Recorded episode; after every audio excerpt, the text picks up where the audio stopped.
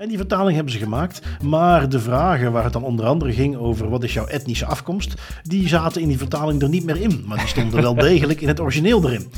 Um, en ja, ook de knil heeft DeepL of heeft Google Translate, jongens. Uh, dat zij jou om een vertaling vragen, wil niet zeggen dat ze geen flauw benul hebben wat erin staat. Dus Hallo en welkom bij Das Privé, jouw wekelijkse privacy podcast. Iedere aflevering we hierbij over het reilen en zeilen in de wereld van privacy, digitale spionage, boetes, datalekken, nieuwe technologie, privacy tools, oftewel alles dat er in een week gebeurt in privacyland. Ik ben Bart van Buitenen en samen met privacy-presentator Tim van Haren hebben wij het privacy nieuws van deze week gecureerd en eruit gehaald wat er echt toe doet. Deze week in Das Privé uh, een paar zeer interessante updates naar aanleiding van onderwerpen uit onze vorige aflevering. De definitie van function creep, uitgelegd door Europol. De Noorse autoriteit wil een volledig Europese ban van Facebook. De UK vindt dat ook winkeldieven nu zware criminaliteit zijn en gaat daar dus ook gepaste middelen tegen inzetten. En ja, voor de rest hebben we natuurlijk nog nieuws met uh, wat deepfake, een abonnement nemen op Facebook en Instagram, uh, hoe Zuid-Korea aangaat, uh, omgaat met deepfakes en de makers daarvan. En natuurlijk de gewone dosis datalekken, autoriteitenacties en privacy pointers. En ja, Tim, privacy presentator is niet mijn sterkste naam voor jou ooit, maar ja met Privcon net achter de rug, met het feit dat jij daar een goede presentatie hebt gegeven, dan moet dat eventjes, hè? Ik ben blij dat ik na mijn verdiensten op Privcon eindelijk eens een normale nickname verdien. Uh, wacht maar tot volgende week, dat komt goed. Dat komt goed. we, we, zorgen dat dat nog wel gecompenseerd wordt.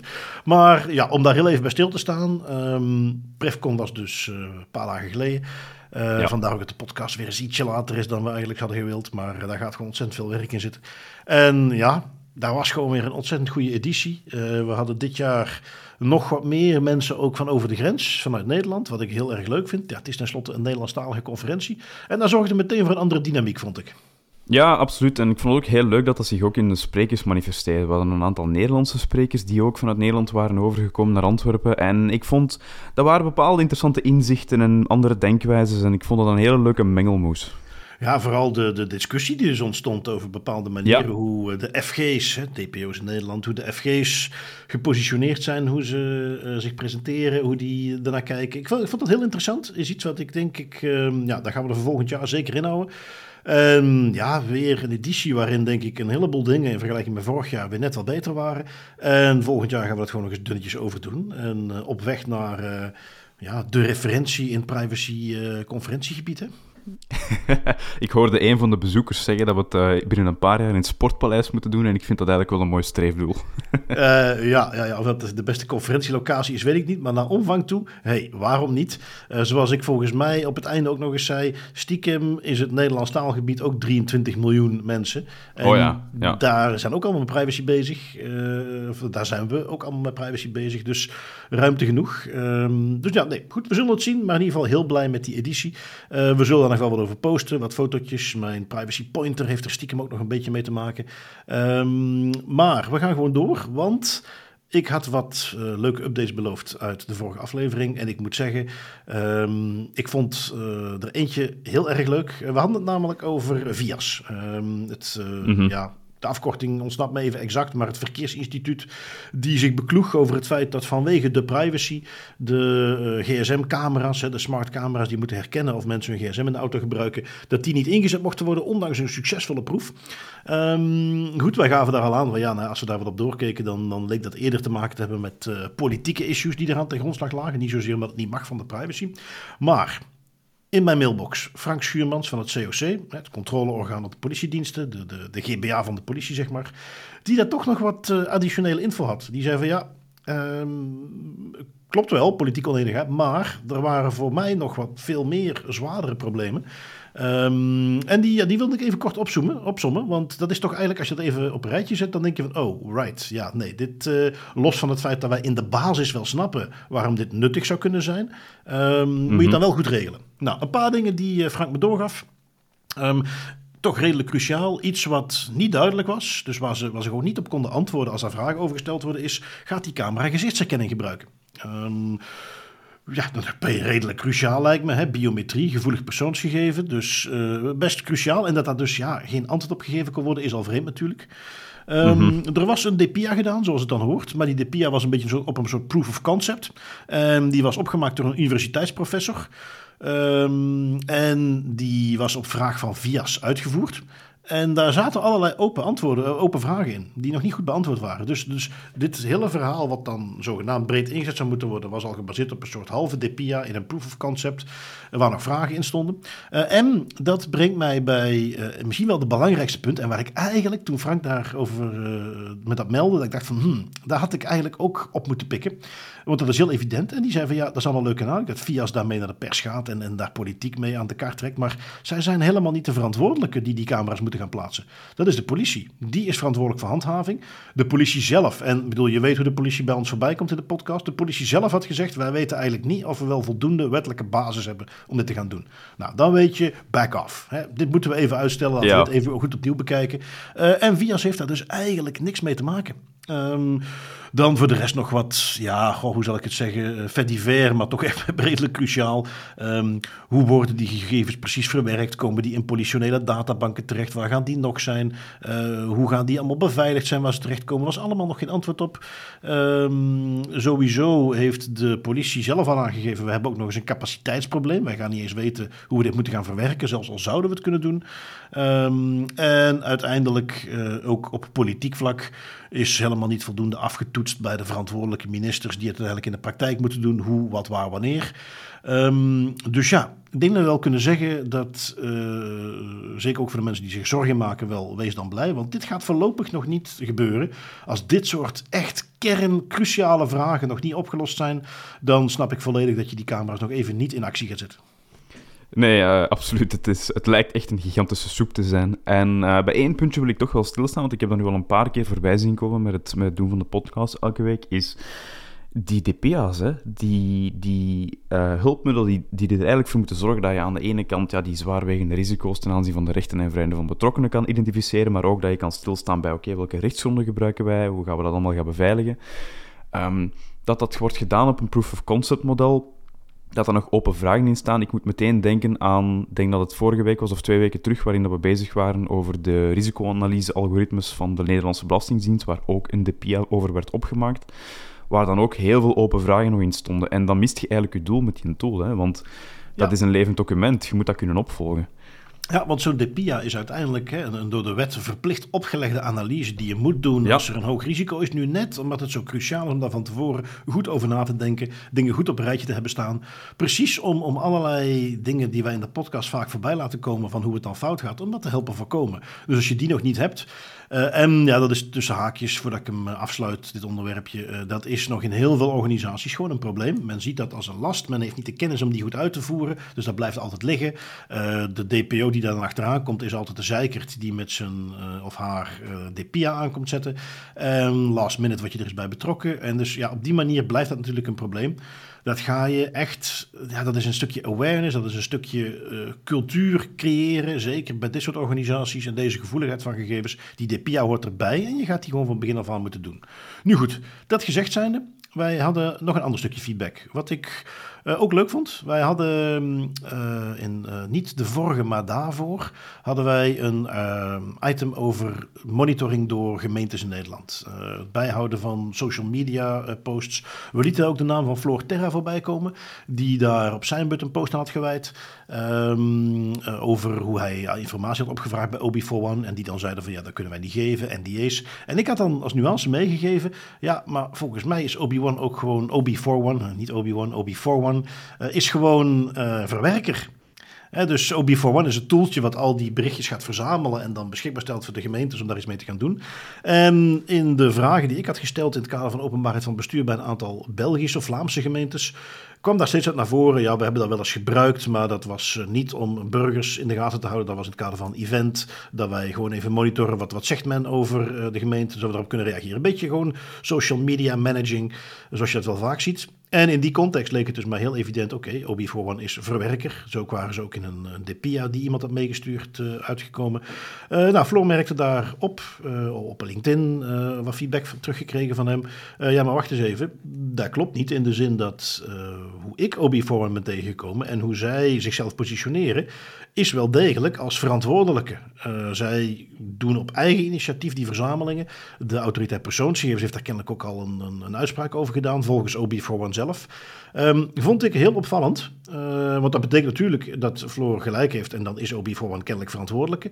En daarnaast is dat wel ja, heel vreemd. Want als je gaat kijken, wat, is de wettelijke basis dat ze dat zouden mogen doen, die gegevens verzamelen? Wat is het doel waarvoor ze dat doen? Hoe kijken ze naar dataminimalisatie? Hoeveel gegevens zuigen ze dan eigenlijk op? Want ja, zitten ze dan heel Twitter uh, X te kopiëren? Um, dus dat, dat, dat maakt het eigenlijk nog triester dat zij die dingen doen. Want ik zou echt niet weten hoe ze dat kunnen verantwoorden als verantwoordelijke. Uh, maar dus dat was interessante feedback en maakt heel de OB41 kwestie nog wat onduidelijker. Uh, waarbij ik dan, hè, als de AP op de een of andere manier wel naar hen gekeken heeft, toch heel benieuwd ben, zeker als je dan kijkt hoe de AP altijd aankijkt tegen gerechtvaardigd belang, wat volgens mij het enige is waar OB41 zich op zou kunnen beroepen. En, ja, volgens de eigen AP-standpunten, OB41 is een commercieel bedrijf, dan kun je nooit gebruik maken van gerechtvaardigd belang. Nu goed, daar ben ik het dan niet Maar de AP is daar wel mee eens. En die hebben OB41 bekeken. Dus vond ik een heel apart verhaal. En ik ben benieuwd of dat nog een keer een staartje gaat krijgen. Ja, en het is net deze manier van werken, zoals de Obin for One het dan zou doen, als, zelfs als uh, verwerkingsverantwoordelijke. Een heleboel uh, informatie van, het, van social media gaan schrapen en dat dan gaan gebruiken voor, van alles. Um, het zijn net dat soort praktijken die we vaak tegenkomen vanuit de meer Amerikaanse hoeken, waar we dan zo al halflachend van zeggen van oh, thank god voor GDPR dat het niet hier gebeurt. En dan komen we met zo'n bedrijf in contact. Ja, ja, ja, ja, want toch social media scraping is toch ondertussen al wel redelijk gekend dat dat ah, eigenlijk niet kan hier. Ja. Ehm, ja, goed. Uh, eens kijken of we daar nog iets eh, van terugkrijgen. En uh, ik gaf ook aan nog even contact, kort contact gehad met Floor. Van hey, als je nog eens een keer zoiets voorbij ziet komen. of je hebt nog ergens anders feedback op, laat het zeker weten. Want dat soort inhoudelijke feedback zie ik altijd heel graag komen. Goed, gaan we even naar, wat, door naar wat hoofdonderwerpen die we hebben meegenomen. Um, de eerste, ik gaf het in de, in de intro al een beetje aan. De definitie van function creep uitgelegd door Europol. Um, we hebben natuurlijk al heel vaak gehad over chat control, die wetgeving die Save the Children uh, bedoeld is om kindermisbruik tegen te gaan, waar niemand tegen kan zijn, maar waar wij en natuurlijk met ons heel veel anderen uh, altijd aangeven, ja, maar het gaat gewoon te ver. Dat is niet meer proportioneel en daar zitten risico's aan vast. Wel, Europol, alsof ze erop zaten te wachten, kopt hem eventjes binnen. Ik moet goed zeggen, een website uh, balkaninsight.com die ik tot voor kort nog helemaal niet kende, maar die ik nu al meerdere keren met hele interessante artikelen voorbij zie komen. Um, die heeft een, uh, wat documenten tevoorschijn getoverd, waar ook onder andere uh, brieven in staan, uh, die, een, een, rapport wat Europol zelf heeft aangegeven. En dat is een soort verslag van een gesprek wat ze gehad hebben, waar Europol dus heeft aangegeven um, ja, hoe zij aankijken naar chatcontrol. En één zinsnede, um, die wilde ik je daar toch al even mee meegeven. Ik zit even te kijken helaas is het een foto, dus ik kon hem niet markeren.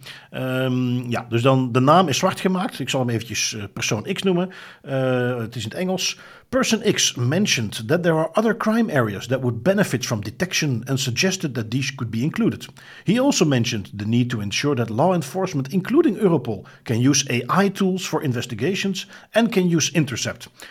Dus om dat even kort te kaderen, eigenlijk geeft Europol hier aan van ja, wij gaan al die data en die toegang tot mensen telefoons met dit wetsvoorstel wel krijgen om kindermisbruik tegen te gaan. Maar hey, als we daar toch mee bezig zijn, er zijn nog wel andere gebieden waar eh, wij zouden kunnen profiteren van deze gegevens. En overigens, daar willen we ook dan AI-tooltjes op in kunnen zetten om dat te kunnen gaan onderzoeken. En als het even kan, ook nog uh, bepaalde onderschepping van berichten en dingen gaan doen.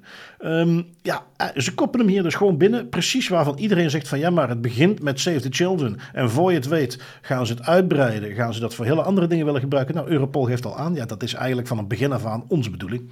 Ja, en dat is ook een van de voornaamste argumenten tegen dit soort gigantische sleepnetten die dan voor één bepaald doeleinde zouden gebruikt worden. Um, het, is, het is ook zo nuttig voor andere zaken en zolang dat, dat niet duidelijk is afgebakend, ook in wetgeving, dat dat voor één bepaald doeleinde zou gebruikt worden, maar los daarvan ben ik er nog altijd tegen, tegen het idee van chatcontrol, dan heb je altijd dat gevaar, want dat is de eeuwige tweestrijd. En ik had het er op Privcon ook nog met iemand over, is je hebt aan de ene kant mensen die willen van oké, dit moet allemaal afgebakend zijn, er moet een noodzakelijkheid aan verbonden zijn en een doel aan verbonden zijn. En je hebt aan de andere kant de mensen die niks anders zien dan mogelijkheden. En dat snap ik ook ergens wel, want die mensen willen hun functie uitvoeren.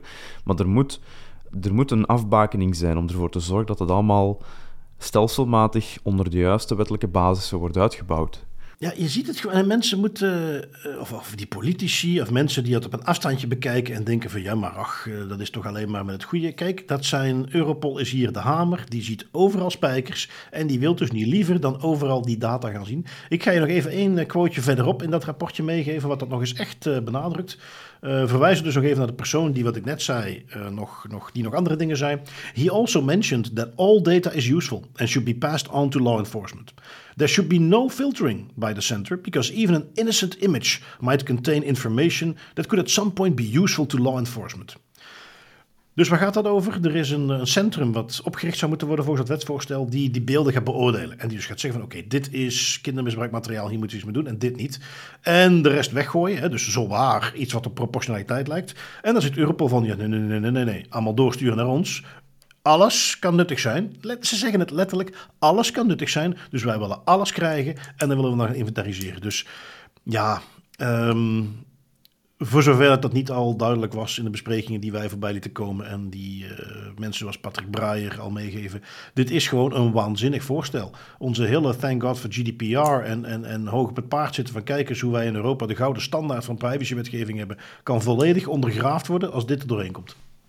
Ja, en ondergraaft met emotionele argumenten. En dat is denk ik uh, de grootste fout die men hier maakt. En het grootste gevaar is, als men het heeft over de, de argumenten, uh, dat feit dat het echt wel implicaties gaat hebben op het gebied van privacy, dat het implicaties gaat hebben op het, gebied van, op het gebied van het beschermen van slachtoffers van misdrijf bijvoorbeeld ook, dan is het argument altijd, ja, maar er zijn zoveel kinderen die vandaag slachtoffer zijn van misbruik, dat kan toch niet, we moeten daar toch iets tegen doen. Hoe kan je nu in godsnaam tegen dit voorstel zijn? En het is een volledig mm -hmm. emotioneel argument en de argumenten die langs de andere kant worden meegegeven, daar wordt eigenlijk niet op geantwoord. En dat is echt wel een probleem.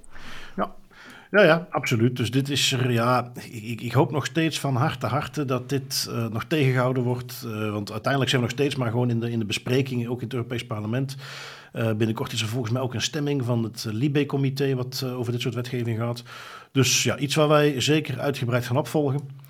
Um, gaan we door naar een uitstapje naar de Noorse autoriteit. Eentje die interessant genoeg is om die niet pas voorbij te laten komen bij de autoriteitensectie, maar die we hier al even willen meenemen. Want um, ja, klein stukje historiek, hè, maar de Europese, de Noorse autoriteit die heeft uh, al een tijdje geleden gesteld.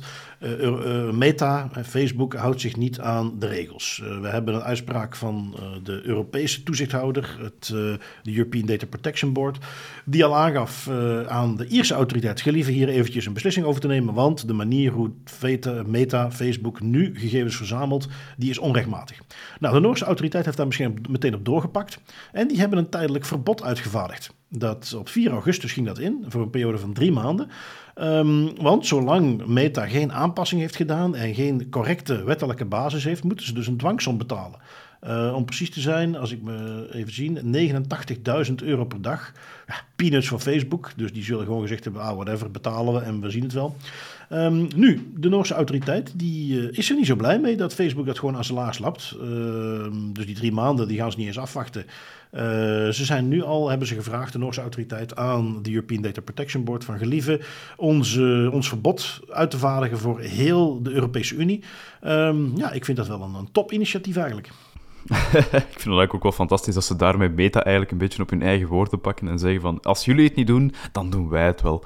En uh, ja, wat kan ik daarvan zeggen? Ik vind dat ook een fantastisch idee, eerlijk gezegd. Ik, ik denk niet dat dat... De manier hoe dat Meta kijkt naar het verwerken van data en hoe dat ze daarmee omgaan, strookt gewoon fundamenteel niet met hoe dat wij daar in Europa naar kijken. En dat gaat altijd voor conflict zorgen, denk ik.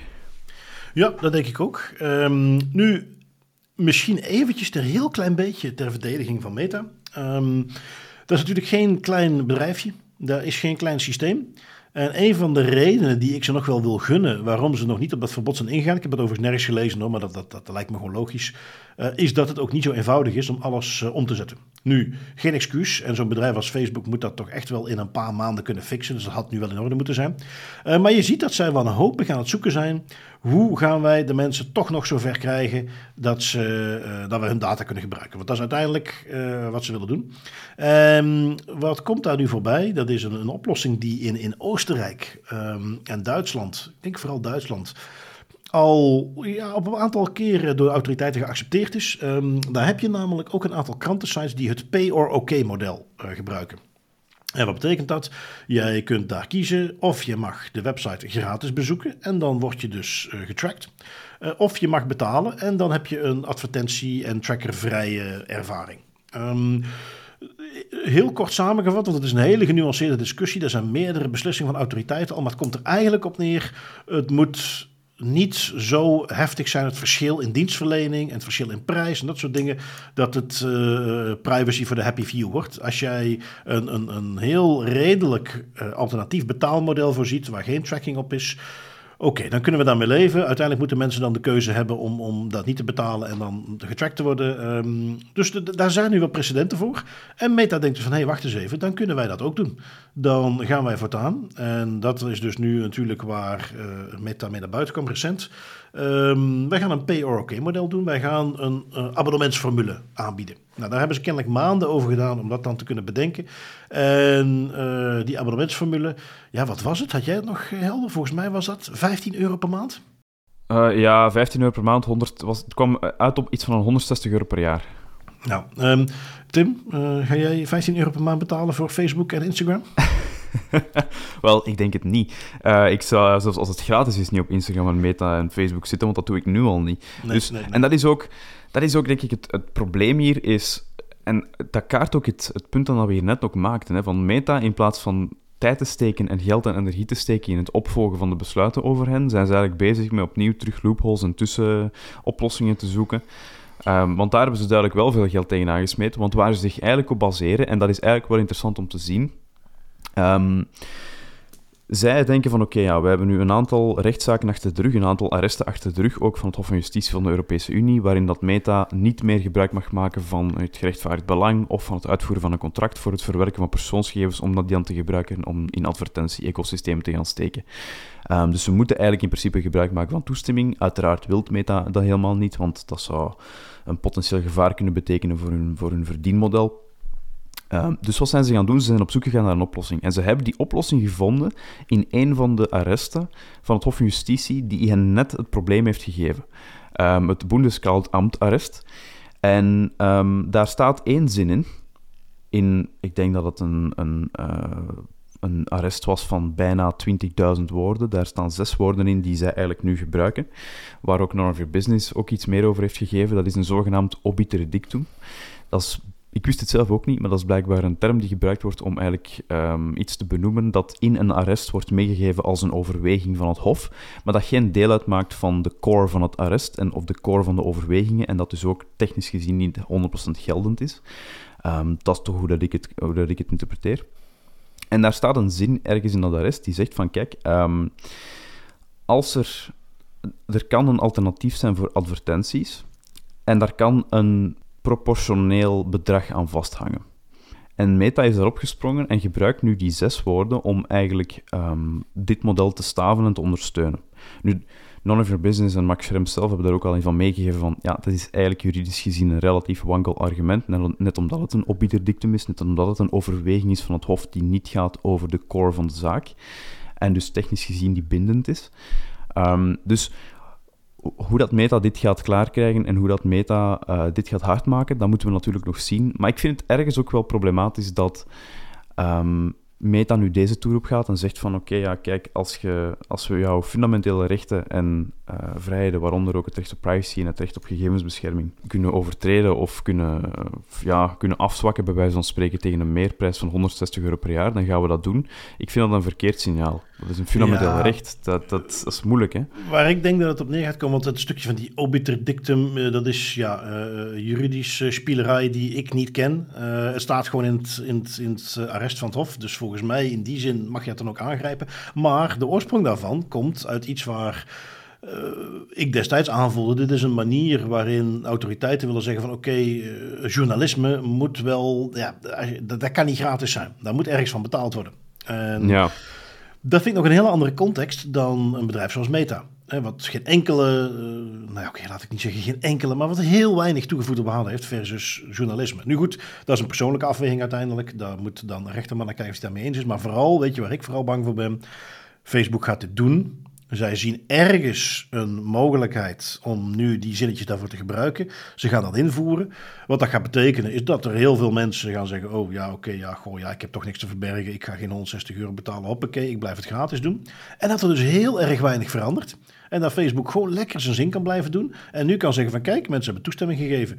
Um, dat gaat natuurlijk niet pakken. Maar dat gaat vervolgens weer de komende jaren de nieuwe juridische strijd worden. Is dit een goede toestemming zoals Facebook het nu heeft gedaan? Kan dat in deze context zoals het is gebeurd? En dat gaat dan weer naar een rechtbank. En dan wordt weer een, een prejudiciële vraag. Dat gaat weer naar het Europees Hof. En voor je het weet, over twee, drie jaar wordt er dan besloten... Facebook, zoals het bij jullie gebruikt wordt... nee, dat kan toch niet. Je gaat gewoon echt, echt, echt, echt, echt toestemming moeten vragen. En dat is het enige wat mij soms wel eens dwars zit als het gaat om um, hoe we vooruit gaan in privacyland, hoe dat langzaamaan steeds meer duidelijkheid komt met recht, rechtelijke uitspraken. Dat is dat Facebook dat spel gewoon kan spelen. Die hebben een oneindig budget voor dit soort dingen en een oneindig leger aan advocaten. En die gaan dat dus nu gewoon weer nog eens jarenlang uh, laten aanslepen. Terwijl ze gewoon doorgaan waar ze mee bezig zijn. En dat is het enige wat ik er jammer aan vind.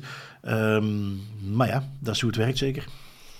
Uh, ja, dat, is helaas denk ik het spel dat ze gewoon op hun manier spelen en, en waar heel weinig aan gedaan kan worden. Maar het, het, is wel...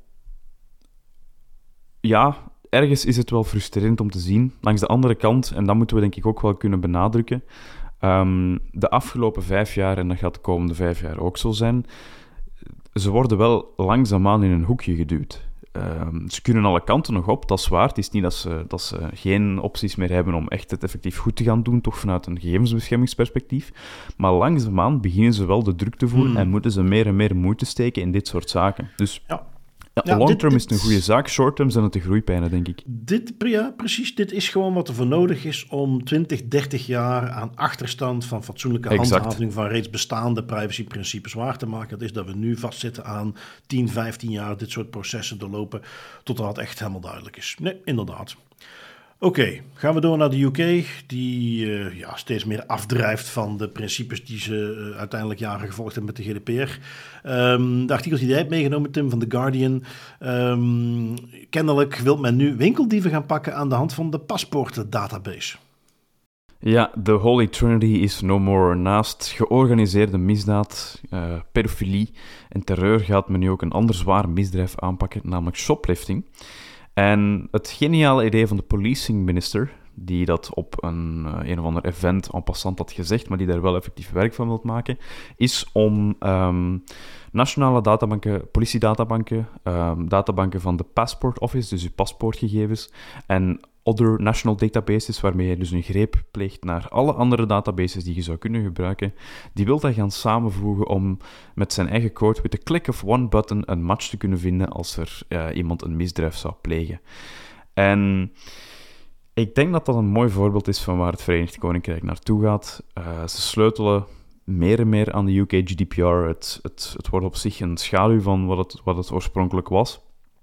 En ook langs alle kanten zie je dat uh, de politiek in het Verenigd Koninkrijk zeer hard bezig is om, ja, je kunt het bijna niet anders noemen dan Orwelliaanse praktijken te proberen te introduceren, waarin dat je dan inderdaad een monsterproject krijgt, waarin dat verschillende databanken die eigenlijk voor een bepaald doeleinde gebruikt worden en die je niet zomaar zou moeten kunnen cross-referencen, plotseling zouden worden samengevoegd om dan met de klik van een, van een, uh, van een knop ervoor te zorgen dat je misdadigers zou kunnen vinden. Waar men dan ook nog eens gebruik wilt maken van facial recognition en artificial intelligence. En beroep gaat doen op technologieën die eigenlijk nog in hun kinderschoenen staan in de context van wetshandhaving. Nou ja, goed. Uh, als ik eventjes een, uh, een quote erbij pak van iemand die op die conferentie dan aan het spreken was. Die, uh, ik ga het gewoon eventjes uh, opnoemen. Um, I'm going to be asking police forces to search all of those databases. The Police National Database, which has custody images, but also other databases like the Passport Database. Not just for shoplifting, but for crime generally to get those match matches. Because the technology is now so good that you can get a blurred image and get a match for it. Ik weet niet of die persoon de pers een beetje gevolgd heeft. Of dat hij misschien eens een keer naar Das Privé moet luisteren. Maar hij heeft toch een heel ander gevoel van de betrouwbaarheid van die gezichtsherkenning dan uh, dat wij dat hebben.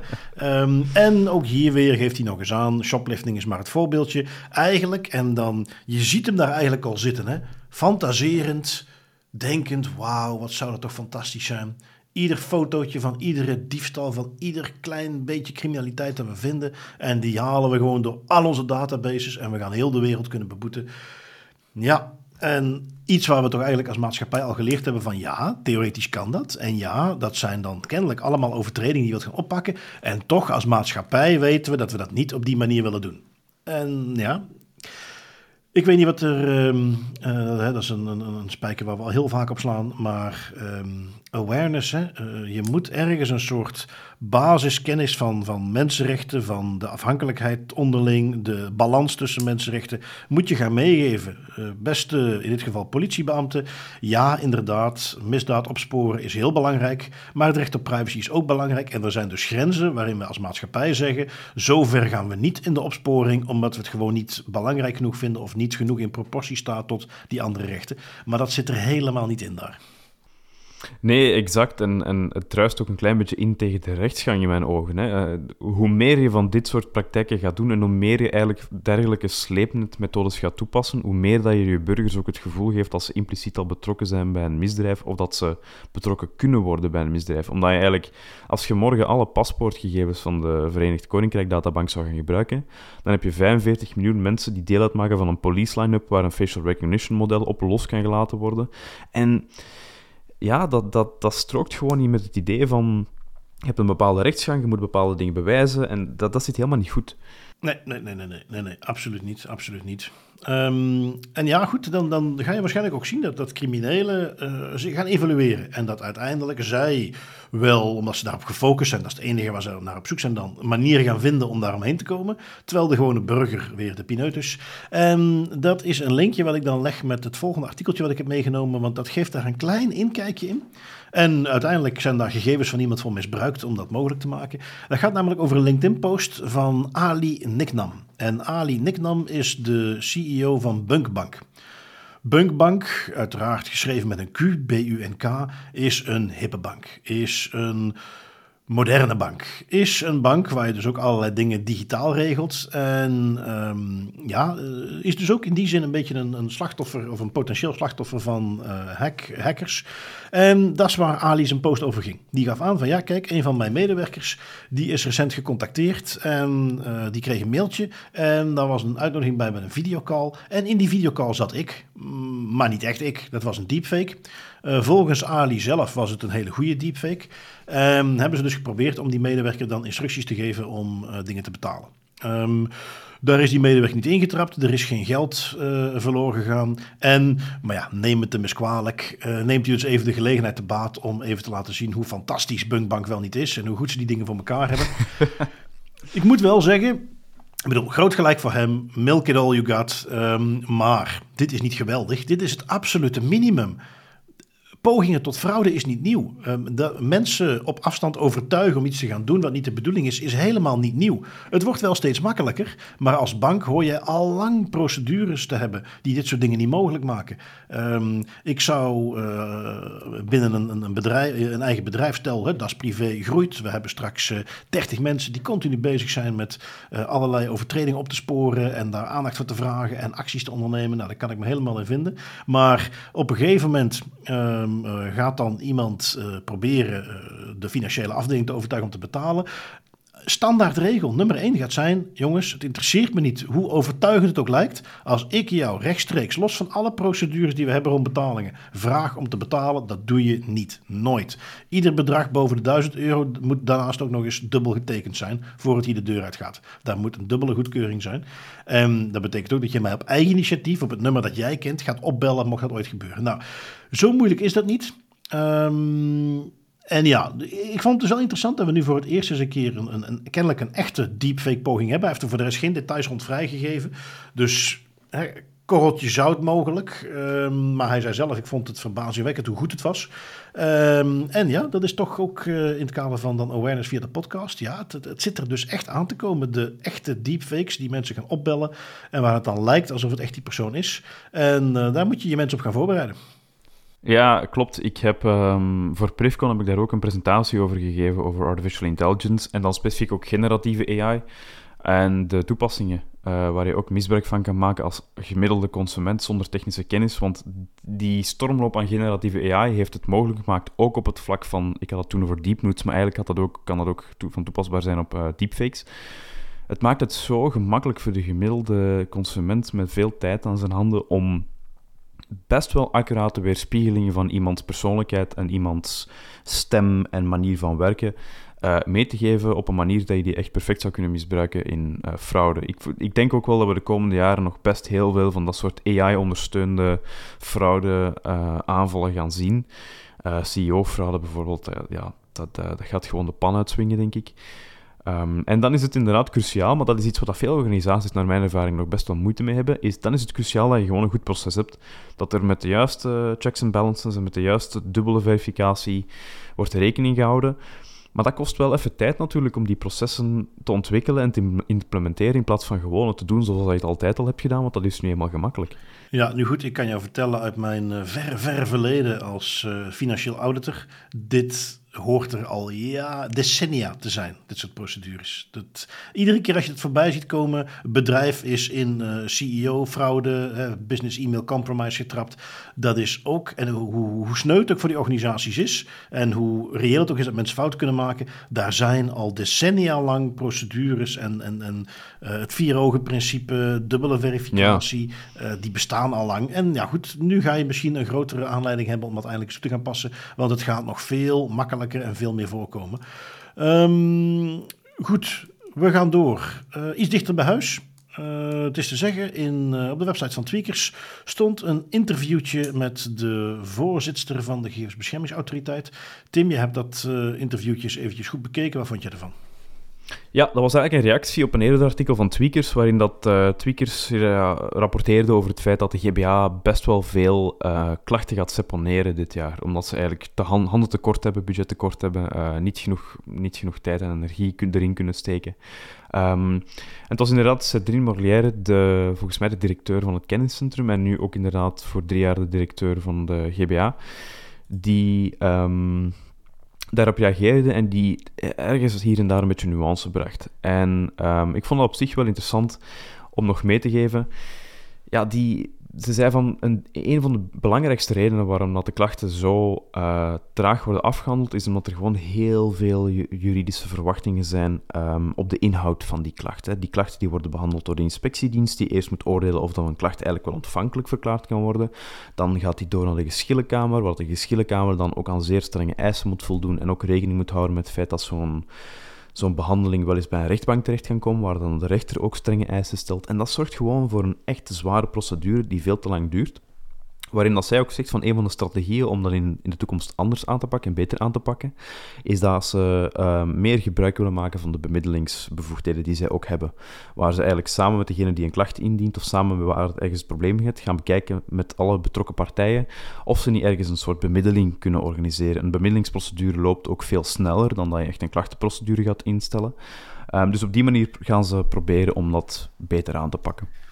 Ja, dus dat betekent concreet dat ze de eerste lijnsdienst gaan versterken. De eerste lijnsdienst die recent dan ook zijn nieuwe directeur heeft gehad. Um, in de hoop in, uh, om in die eerste frontlinie al wat dingen aan te kunnen pakken. Ja, we zullen zien hoe zich dat ontwikkelt. Ik, uh, ik zie het komen. Um, dan had het misschien ook interessanter geweest om al die klachten die je nu geseponeerd hebt, om die gewoon even naar die eerste lijstdienst door te schuiven. Want daar zaten inderdaad heel veel klachten bij van het type, oh, ik ben niet, uh, mijn recht op inzage is niet nageleefd, klacht. Ja, dan is het vaak inderdaad een kwestie van als autoriteit te zeggen van oh nee, dan moet, we sturen een, een, een stoer briefje naar de verantwoordelijke die er niet op in is gegaan. En dan moet hij dat gewoon opvolgen. Hè? En ja, we zullen zien wat de praktijk uitwijst. Ik vrees gewoon dat die briefjes niet per se indruk gaan maken en dat ze hun tanden gaan moeten laten zien. En dan zit je weer gewoon in de goede oude procedure. Um, mm -hmm. Dus ja. Ja, we zullen het zien. Ik, ik, ik, ik wil graag geloven dat de zachte hand van bemiddeling dat die, uh, dat, uh, dat die achterstand gaat oplossen. Um, ja, time will tell, zullen we maar zeggen. Ik voel enige sceptisch.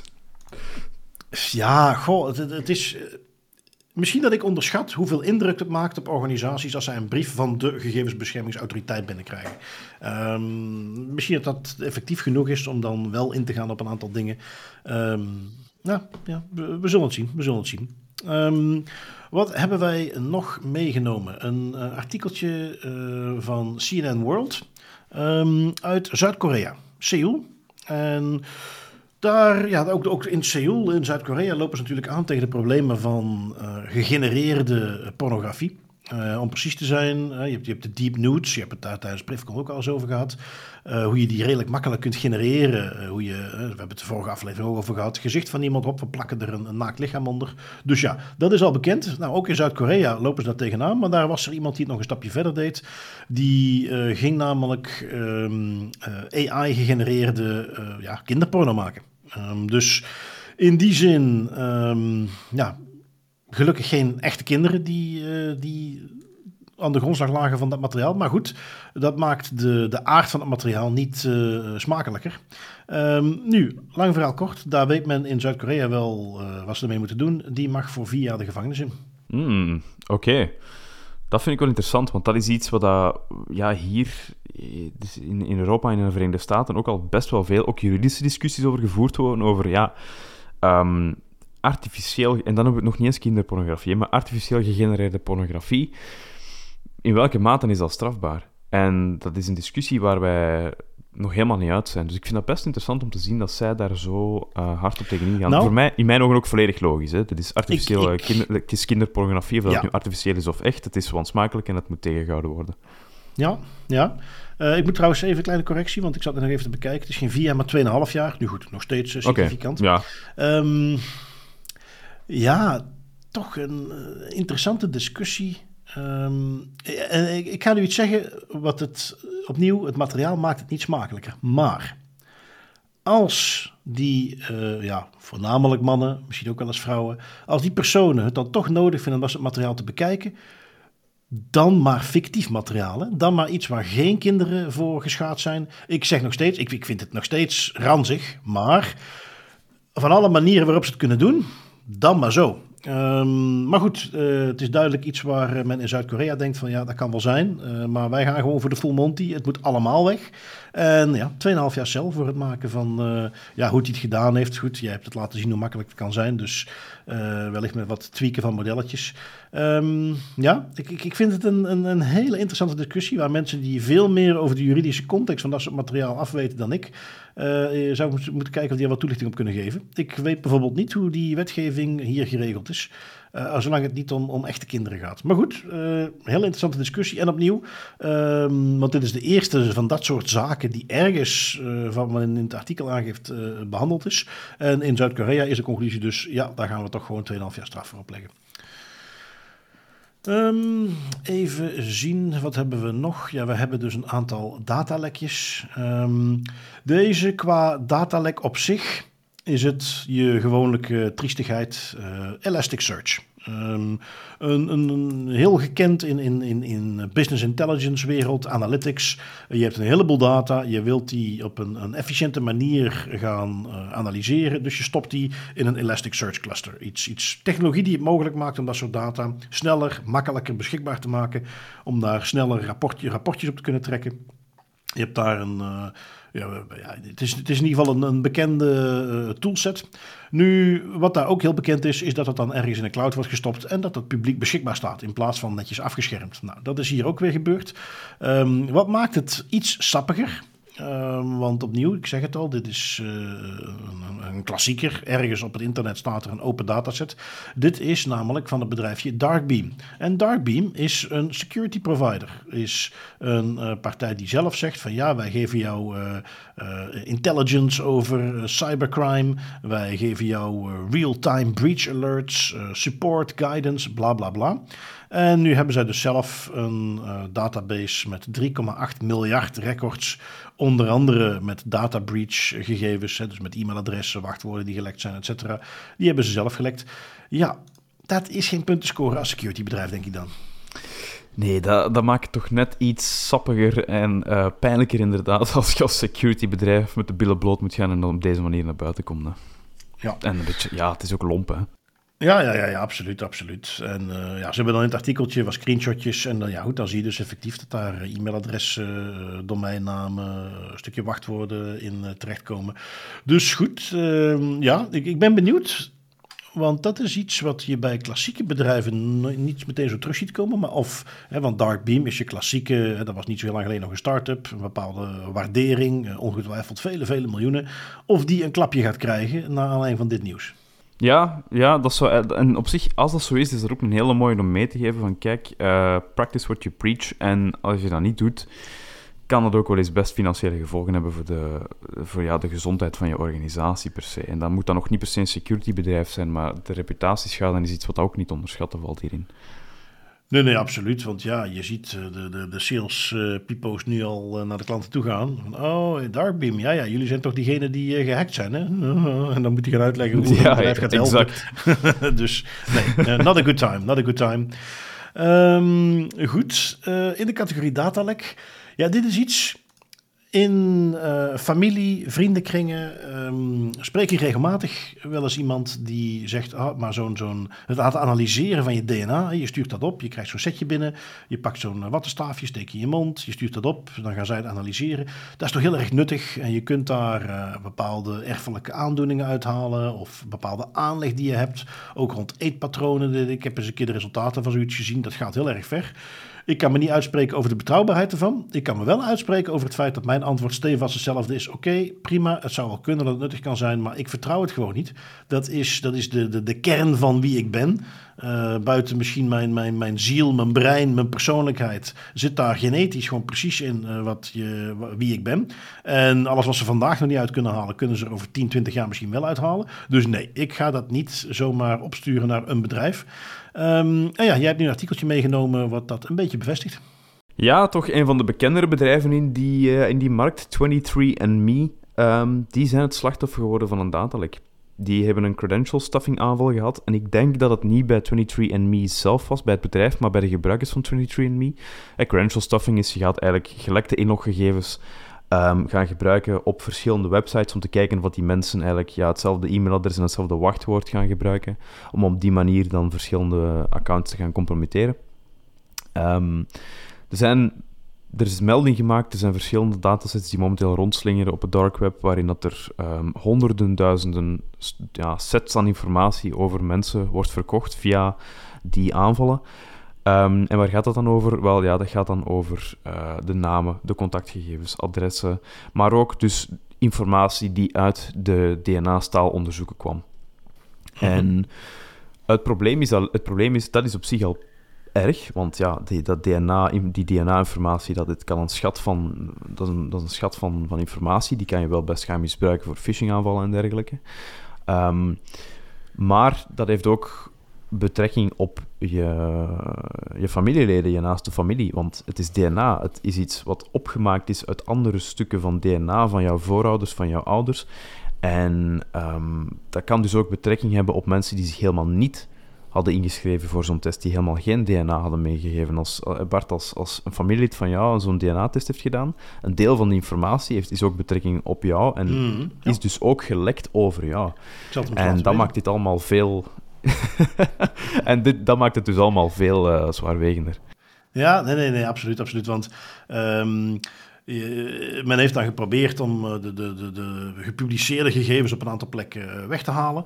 Um, en die zijn ondertussen zijn die weer ergens opnieuw aangeboden. En de, de aanbieder die geeft aan van ja, de informatie die we hebben gaat over uh, uh, hele specifieke etnische groepen, geïndividualiseerde datasets uit de tests, hele specifieke oorsprongskenmerken. Hè. Je kunt altijd horen hoeveel procent Indiaan en, en, en Afrikaan en wat dan ook je bent mm -hmm. met die testen.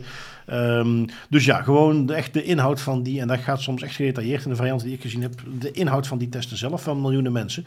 Dus uh, ja, nee, iets wat geheel te voorzien was. En um, ja, waarom ik dus erg blij ben. Ook al, ik vind het wel interessant dat je meegeeft. Ook al is, zegt dat ook een stukje iets over mij al. Gewoon het feit dat ik weet dat familieleden van mij uh, die test hebben gedaan. Maar goed, dat is toch nog iets anders dan wat echt iets over mij zegt. En ik ben blij dat ik daar niet tussen zit in die. Ja, idem dito.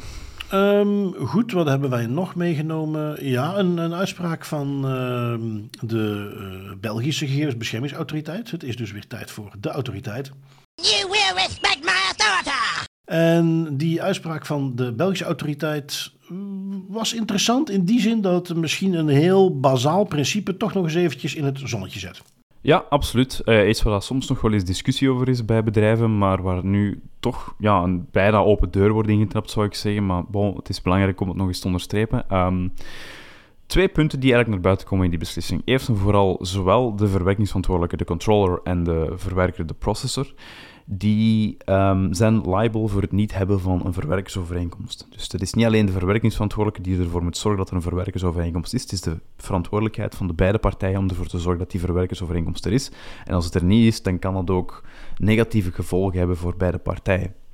En het tweede aspect, en dat is denk ik um, het, het meer het interessantere aspect, Um, je kan geen verwerkersovereenkomst retroactief opmaken. Je kan niet zeggen, ah, we zijn al drie jaar bezig met een bepaalde partij en wij beseffen nu pas dat wij een verwerkersovereenkomst moeten afsluiten, dus wij gaan dat antidateren en we gaan eigenlijk retroactief die verwerkersovereenkomst ook van toepassing laten zijn op die drie jaar dat wij geen uh, overeenkomst hadden. Dat is iets waar dat die beslissing nu ook duidelijkheid in brengt. Dat um, is geen verzachtende omstandigheid als er dan achteraf uit blijkt dat er bepaalde dingen zijn fout gelopen. Nee, en uh, ja, de evidentie zelf natuurlijk. Uh, ja. Waarbij ik nog vind um, uh, dat ze in ieder geval, want als ik het hier goed begreep, was het een retroactiviteitsclausule. En niet dat ze het gewoon geantidateerd hebben. Um, dus ja, dat is ja, nog wel eventjes het verschil hier. Ja, nee, nee, maar ik bedoel, dat hadden ze ook kunnen doen. Hè? En dan was het misschien aanzienlijk strenger geweest. Dus ze waren er in die zin wel transparant over. Maar dat gaat dus niet werken, dat mogen duidelijk zijn. Um, eventjes aan de zuiderkant de grens over. De knil slaat nog eens toe. En ja, dat is. Ik ben heel benieuwd. We hebben het uh, al eens aangegeven. En, volgens mij de vorige aflevering. De, de, de uh, GBA gaat binnenkort misschien wel eens hogere boetes opleggen. En het zou toch tijd worden. Um, want als ik dan kijk naar deze uitspraak van de knil. Uh, redelijk evident, niks, niks bijzonders. Gaat om een bedrijf um, die op 18 eh, september hebben die een boete van 200.000 euro gekregen. Het gaat om SAF Logistics, ook zoiets trouwens. Hè. De knil doet daar niet moeilijk om, die zegt gewoon hoppakee. SAF Logistics. Um, en ja, die, die op een aantal van de, de klassiekers worden die eh, beboet. Uh, data niet genoeg geminimaliseerd. Uh, ze hebben gevoelige persoonsgegevens verwerkt die ze eigenlijk niet hadden mogen verwerken van de medewerkers. Um, maar bovenal, en dat is iets wat denk ik hier het, het zwaarste doorweeg, doorwoog. Um, ze hebben niet meegewerkt met de knil toen hij daarom vroeg. En dus ja, dan krijg je bij elkaar 200.000 euro boete. En dat, is ook, dat geeft ook maar eens mee. Allee, ik begrijp dan niet zo goed waarom dat je dat zou doen, niet meewerken met de knil. Dat is, je weet dat je toch extra veel miserie op de nek haalt. Ja, en hier is het dus niet van, oh, we, hebben niet gereageerd op een e-mailtje of zo. Uh, waar ging het over? Op een gegeven moment heeft de knil op die website gezien van, hey, jullie hebben ook een formuliertje waarin je gegevens verzamelt in het Chinees. Mm -hmm. Wij willen graag een vertaling van uh, dat formuliertje krijgen. En die vertaling hebben ze gemaakt, maar de vragen waar het dan onder andere ging over wat is jouw etnische afkomst, die zaten in die vertaling er niet meer in. Maar die stonden wel degelijk degelijk in het origineel erin. Um, en ja, ook de knil heeft DeepL of heeft Google Translate, jongens. uh, dat zij jou om een vertaling vragen, wil niet zeggen dat ze geen flauw benul hebben wat erin staat. Dus uh, ja, uh, poging waard zou je kunnen zeggen. Um, dus in die zin was deze wel extra interessant. En ja, opnieuw, de knil die lacht daar niet mee. Dan krijg je gewoon 200.000 euro boete. Um, en ja, sowieso in Frankrijk zijn ze uh, wat strenger aan het worden. Hè, als het gaat om overtredingen van misbruik van persoonsgegevens. En daar heb jij nog een heel leuke meegenomen van de website France Bleu. Over een HR-medewerker die nog eens goed gaat nadenken voor ze nog eens een keer dat soort databases gaat aanleggen. Ja, klopt, want uh, die heeft geen boete gekregen, die heeft ook geen berisping gekregen. Die persoon heeft voor het overtreden van onder andere de gegevensbeschermingsregels een celstraf gekregen van zes maanden. Voorwaardelijk, uh, het komt ook niet op haar strafblad of zijn strafblad te staan. Um, maar toch, die persoon die hangt nu een celstraf boven het hoofd. Waarom net? Uh, die persoon, een HR-medewerker nota bene, die had een database bijgehouden over al de medewerkers van het bedrijf waarin zij dan ook uh, ja, commentaar had gezet zoals deze persoon is lui, deze is een pathologische leugenaar, dat is een verwend nest. En eigenlijk op die manier een database had bijgehouden van het gedrag van mensen op de werkvloer. Uh, wat dan natuurlijk niet door de beugel kan en op geen enkele manier rechtmatig is.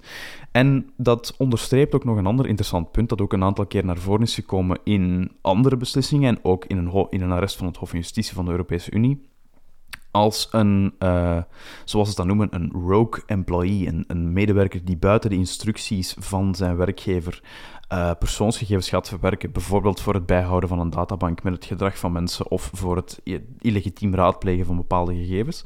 Als die persoon dat doet, dan kan het ook zijn dat die persoon gekwalificeerd wordt als een aparte verwerkingsverantwoordelijke en dat die als een aparte verwerkingsverantwoordelijke dus ook een boete kan opgelegd worden of een celstraf boven het hoofd hangt.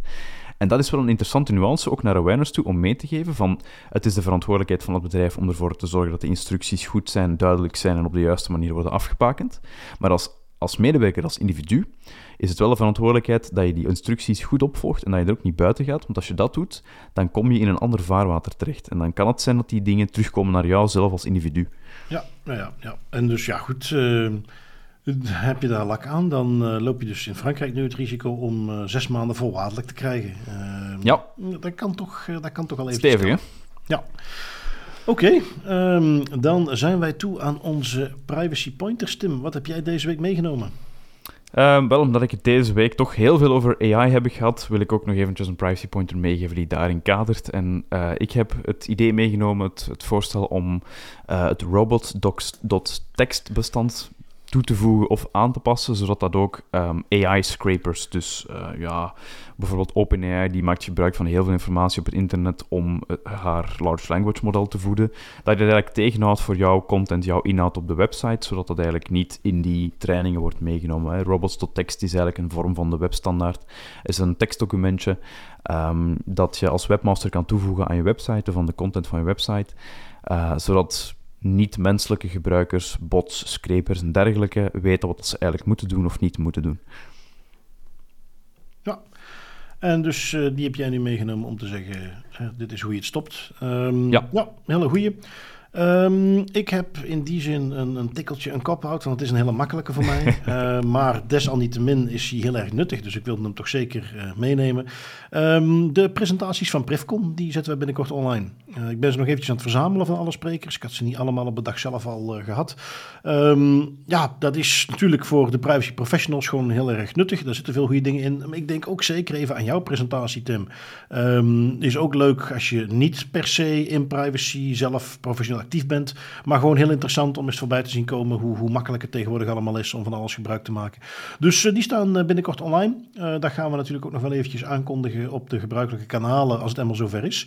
Maar dat is de pointer die ik meeneem. die kunnen zeer zeker interessant zijn om even te gaan bekijken. Um, daarmee, Tim, zijn wij weer aan het einde gekomen van een aflevering Das Privé. Ik bedank onze luisteraars en ik bedank jou voor jullie en uh, tijd. En ja, goed, wij doen het volgende week gewoon nog eens overnieuw. Zoals altijd, Bart, met heel veel plezier. En tot volgende week. Tot volgende week.